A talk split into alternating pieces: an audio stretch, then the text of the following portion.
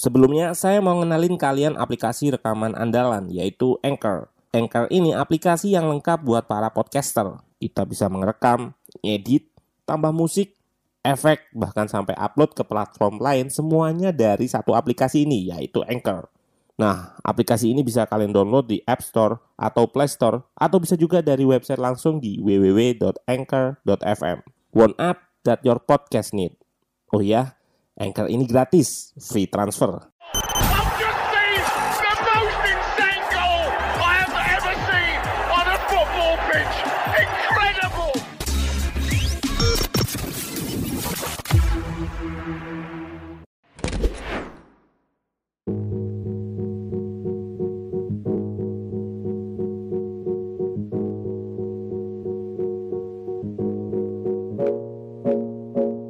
Halo, selamat datang di channel Ruang Taktik. Di video kali ini kita akan analisis pertandingan final Copa America antara Argentina versus Brasil.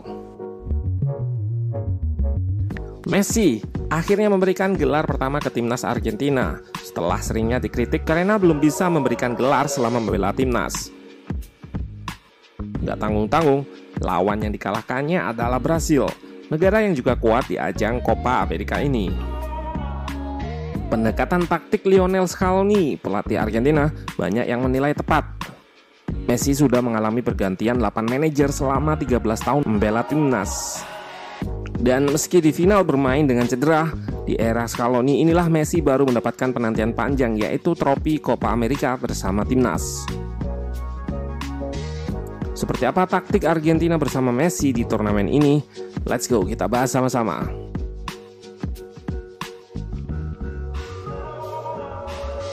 Brasil sebagai tuan rumah turun dengan formasi 4-3-3 dengan Neymar di atas kertas bermain di sayap kiri, namun lebih roaming atau diberi lisensi untuk bergerak bebas.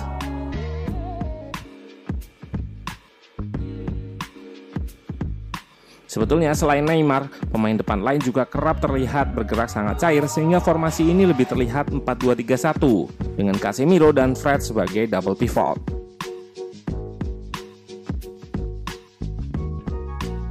Pendekatan yang cair ini kontras dengan Argentina yang bermain dengan 4-4-2 rigid.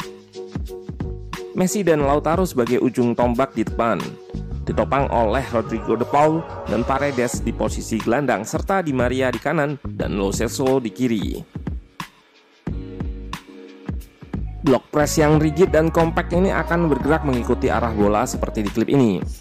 Ketika di kiri akan bergerak secara unit ke kiri. Sistem bertahan ini cocok dengan profil Messi yang bukan tipikal presser. Argentina bisa bermain dengan blok medium dengan menunggu, lalu melakukan press agresif ketika serangan Brasil masuk ke pertahanan. Kita bisa lihat Otamendi yang naik untuk melakukan press pemain di belakang lini tengah atau ruang antar lini.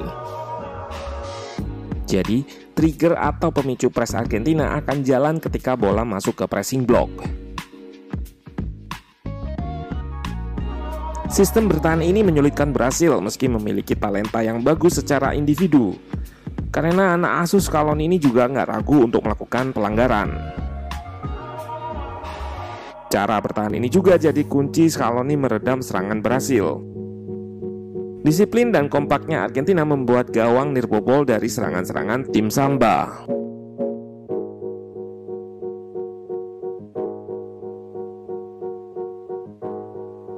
Jangan lupakan juga peran Amy Martinez sebagai tembok terakhir yang juga jadi pahlawan di adu penalti sebelumnya. Dan selain strategi bertahan tadi, di awal laga sudah terlihat strategi menyerang Scaloni. Yap, karena roaming atau cairnya pemain depan terutama Neymar yang masuk ke tengah, Brazil butuh pemain yang melebar terutama di sisi kiri yang akan diisi oleh fullback yaitu Renan Lodi. Pos inilah Scaloni mengekspos dengan kecepatan Di Maria.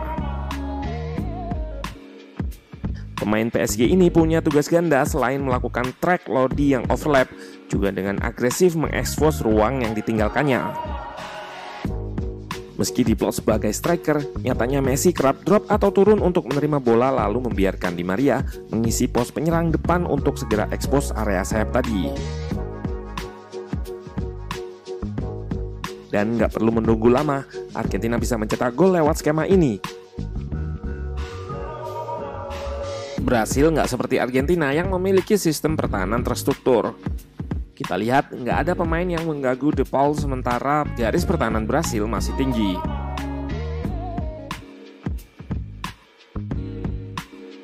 Berbeda dengan Messi dan Lautaro tadi yang selalu berada di depan lini tengah untuk sekadar memberikan gangguan. Lalu dengan akurasinya, De Paul mengirim umpan ke area Renan Lodi. Chip Di Maria gagal diselamatkan Ederson yang berusaha naik untuk menutup ruang tembak pemain bernomor punggung 11 ini. Aplikasi all-in-one dan menjadi andalan para podcaster buat rekam podcast mereka namanya Anchor. Pakai Anchor ini, kalian nggak perlu peralatan ribet kayak studio kalau mau ngerekam. Semuanya bisa dari smartphone kalian menggunakan Anchor. Anchor bisa kalian download di App Store atau Play Store. Mudah banget. Di Anchor, kalian nggak hanya bisa ngerekam audio, tapi juga bisa ngedit langsung di sini. Nggak sampai di situ, Anchor juga dapat mendistribusikan konten kamu ke platform lain. Contohnya Spotify, Apple Music, dan lain-lain. Keren banget, satu aplikasi buat semua kebutuhan. Jadi nggak perlu aplikasi-aplikasi editing lain. Daripada kalian makin penasaran, mending langsung aja download Anchor sekarang.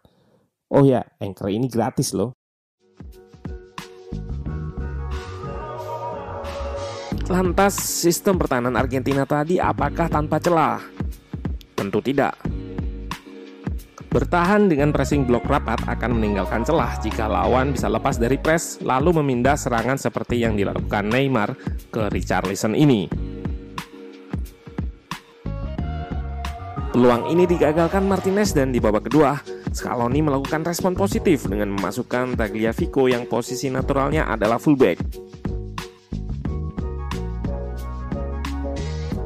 Dengan pergantian taktikal ini, Akunya yang semula berposisi di back kiri digeser lebih ke depan.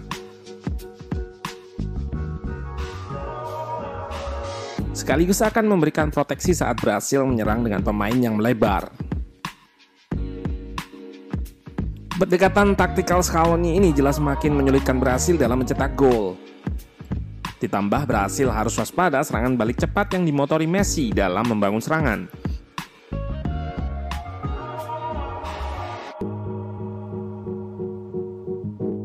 Perjuangannya sebagai pemain yang kerap dijatuhkan gak sia-sia, meski ada peluang emas yang gagal dia manfaatkan.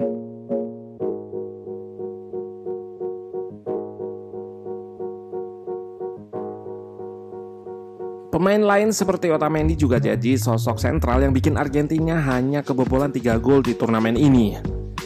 Ditambah penampilan impresif De Paul dalam menyerang maupun bertahan mematikan Neymar, layak diberi kredit. Penantian panjang Messi dan tentunya Argentina yang nirgelar sejak 1993. Jajaran staff yang berisi ex pemain seperti Aymar, Ayala hingga Walter Samuel dinilai juga memberikan dampak positif bagi timnas. Dan berkat support tim, Messi mencapai gelar yang selama ini jadi momok yang belum dicapainya. Justru saat Argentina nggak terlalu bergantung, Messi bisa lebih bebas berkreasi.